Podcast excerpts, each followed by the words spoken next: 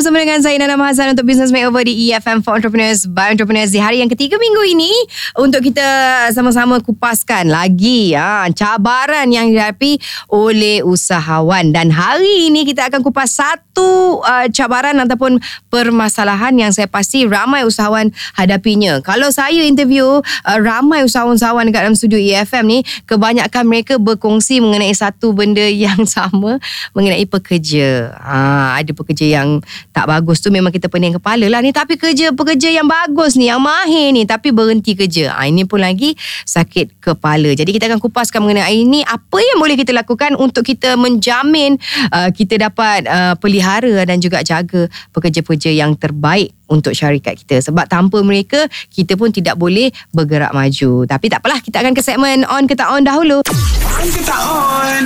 Untuk business makeover di segmen on ke tak on Ah, on ke tak on kalau kita jual makanan frozen? Ah, anda sebenarnya boleh jual makanan frozen seperti dimsum ke, nugget, kuih, muih dan sebagainya tanpa perlu uh, buat pemakanan tersebut. Banyak sebenarnya kilang yang mengeluarkan makanan frozen ni untuk dibekalkan kepada kedai runcit dan juga kedai-kedai tempatan kita. Ha, anda boleh beli terus dari kilang dan menjualnya uh, di rumah. Ha, bolehlah buat online di Instagram dan Facebook sebagainya.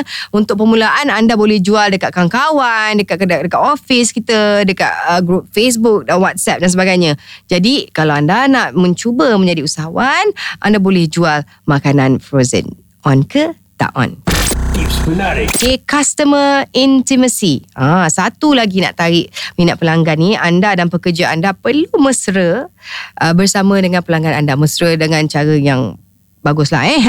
kita uh, pastikan uh, membuat kita punya pelanggan akan rasa gembira untuk terus membeli dengan kita. Sebagai contoh, anda begitu erat dengan pelanggan anda dan sering mengambil berat tentang pelanggan kita ni uh, dan selain daripada itu memohon maaf jika melakukan kesalahan. Benda-benda yang kita akan lakukan dengan orang-orang yang terdekat, orang-orang yang kita sayang. Ha, macam itulah kita treat jenis customer. InsyaAllah mereka akan terus sayang dan akan terus nak berurus niaga dengan kita. Kita akan ke segmen Tolong Me Over. Nana, tolong me over. Hari ini kita bercerita mengenai uh, satu permasalahan yang sering dihadapi oleh usahawan iaitu pekerja yang bagus berhenti. Ha, salah satu cabaran yang dihadapi sebahagian usahawan dan perniagaan adalah kehilangan kaki tangan mereka yang bagus dan terbaik. Ada tu mereka telah pun melatih kaki tangan untuk menjadi pekerja yang mahir dan berkebolehan tetapi dalam satu tempoh kaki tangan ini akan dilama oleh syarikat lain ataupun pesaing kita.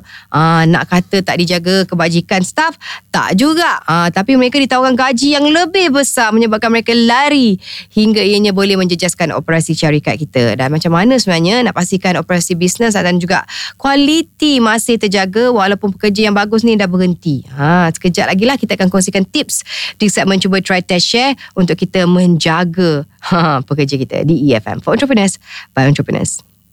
Business Makeover di EFM for Entrepreneurs by Entrepreneurs di segmen cuba try test share uh, permasalahan kaki tangan. Okey, ni masalah kaki tangan yang bagus berhenti kerja uh, lumrah lah eh, cabaran yang harus usahawan kita hadapi. Dan pelbagai alasan akan diberikan oleh kaki tangan yang nak berhenti termasuklah nak cari pengalaman baru, di offer gaji lebih besar dan sebagainya kan. Dan pastinya nak menahan staf yang bagus untuk berhenti bukan satu perkara yang mudah. Tambahan lagi bila kita terpaksa counter offer dengan gaji mungkin dengan benefit yang lebih tinggi mungkin uh, menyebabkan kos operasi juga akan meningkat dan anda jadi tak mampu. Uh, atau atau mungkin kaki tangan tersebut dah tak seronok bekerja dengan kita menyebabkan mereka nak cari angin yang baru. Ha, jangan panik dan rasa ianya akan menyusahkan operasi bisnes anda. Sebagai seorang usahawan yang berhati besar, anda patut merasa bangga kerana anda telah pun melahirkan pekerja yang mahir dan bagus hingga kan mereka laku lah di pasaran. Dan malah ianya juga bukti bahawa teknik dan strategi anda sangat bagus dan diiktiraf sehingga kan melahirkan kaki tangan yang bagus. Ha, tapi macam mana kita nak hadapi gangguan gangguan uh, kepada operasi bisnes kita ni bila mereka ni dah tak ada. Ini bukan halangan untuk kita menghentikan ataupun melambatkan operasi bisnes. Antara langkah yang perlu seseorang usahawan lakukan mungkin boleh latih seramai mungkin kaki tangan anda menjadi pekerja yang bagus dan bukan mengharapkan kepada seorang dua sahaja. Ha, jika ada yang berhenti mengejut atau tak boleh bekerja sebab sakit dan sebagainya, anda mempunyai kaki tangan yang bagus. Ha, yang lain eh, yang untuk mengambil alih tugasan yang bermasalah. Jadi operasi masih boleh lagi teruskan. Ingat bisnes yang berjaya adalah bekerja sebagai sebuah tim bukan kepada kemahiran individu sahaja. Kalau kita berharap pada seorang tu saja kalau dia dah tak ada dah tak berjalan perniagaan kita. So tak boleh. So kita sebagai business owner ataupun sebagai usahawan kena train lebih ramai usahawan-usahawan uh, bukan usahawan uh, pekerja-pekerja yang mahir. Tapi masalahnya bukan pada pekerja tetapi pada usahawan itu sendiri. Usahawan selalunya nak pekerja yang masuk-masuk pejabat saja dah pandai buat semua benda. Ha, bagi satu line arahannya dah boleh buat semua kerja.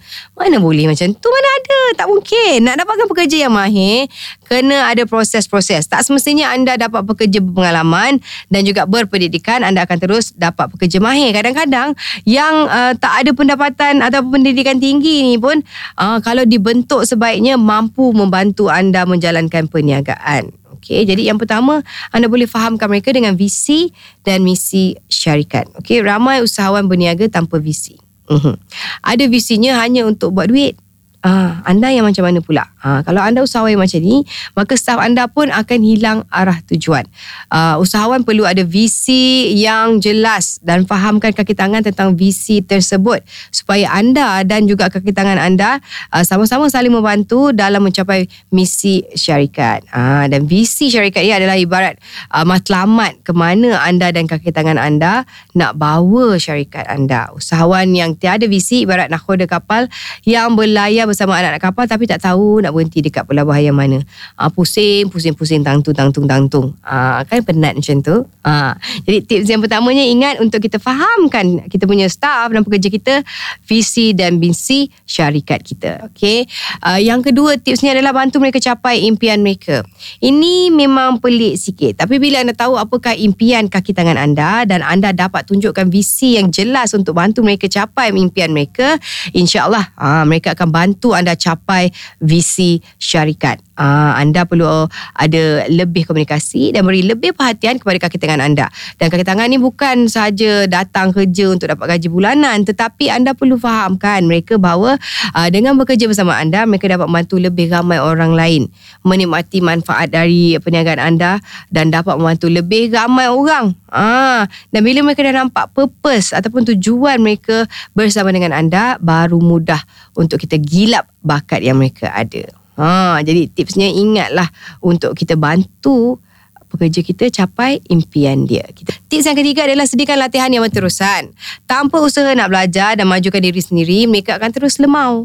Rasa selesa dengan keadaan yang mereka ada sekarang dan mereka rasa okey dengan kerja yang mereka buat. Mereka hanya mengejar peluang yang dibentangkan uh, depan mata uh, tapi tak ada minat nak tingkatkan diri dahulu dan memperbaiki kelemahan diri.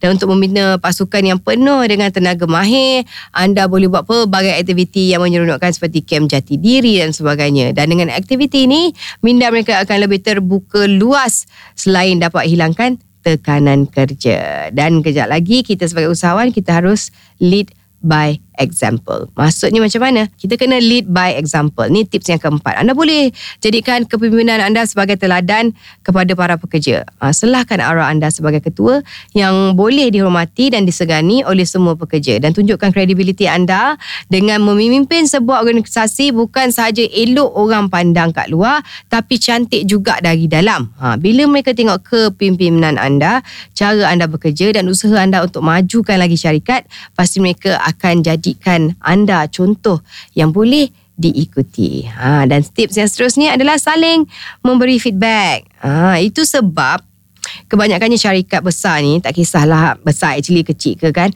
mereka buat penilaian prestasi kerja ataupun KPI ianya untuk mengukur prestasi setiap kerja yang diberikan sama ada dapat capai target yang kita tetapkan ataupun tidak dan sebagai ketua, anda boleh minta mereka jumpa anda untuk dapatkan feedback mengenai kerja mereka serta tahu di mana area kerja mereka yang cemerlang dan tempat yang harus diperbaiki lagi. Ha, selepas anda menilai prestasi mereka, uh, tanyakan kepada mereka apa yang boleh anda lakukan untuk tingkatkan kemahiran kerja mereka. Ha, dan dengan ini, anda bukan sahaja jelas dengan kemampuan mereka tetapi anda juga boleh bantu pekerja anda ini untuk dapatkan suasana kerja yang lebih baik. Ha, dan ia juga menggalakkan budaya dialog terbuka dan akan membuka ruang untuk pembangunan yang berterusan dari masa kesemasa. Kita ada tips yang lain untuk anda capai. Sama juga bila anda ada bisnes sendiri uh, dan ada pekerja sendiri yang membantu anda dari belakang.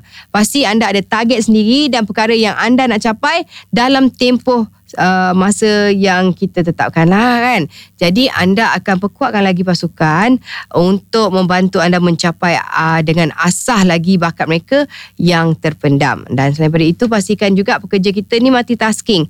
Kerana jika mereka kekurangan staff, kalau kita tak ada kurang staff, dianya tidak akan menjejaskan pekerjaan seharian kita. Jadi jangan risau bila ada kaki tangan yang bagus nak resign. Uh, ini bukan peng akhiran kepada bisnes anda. Yang penting anda tahu untuk menguruskan staf anda dan berikan yang terbaik untuk mereka uh, yang mana uh, kalau macam mana pun kita tawarkan kepada mereka sebesar mana pun uh, dia orang tetap akan setia dengan kita. Itu yang lebih penting. Okey. Business Makeover bersama Nana Mazan. Business Makeover di EFM for Entrepreneurs by Entrepreneurs sampai di sini sahaja tugas saya. Kita akan kembali lagi besok 7.30 pagi hingga 10 pagi hanya di www.efm.live.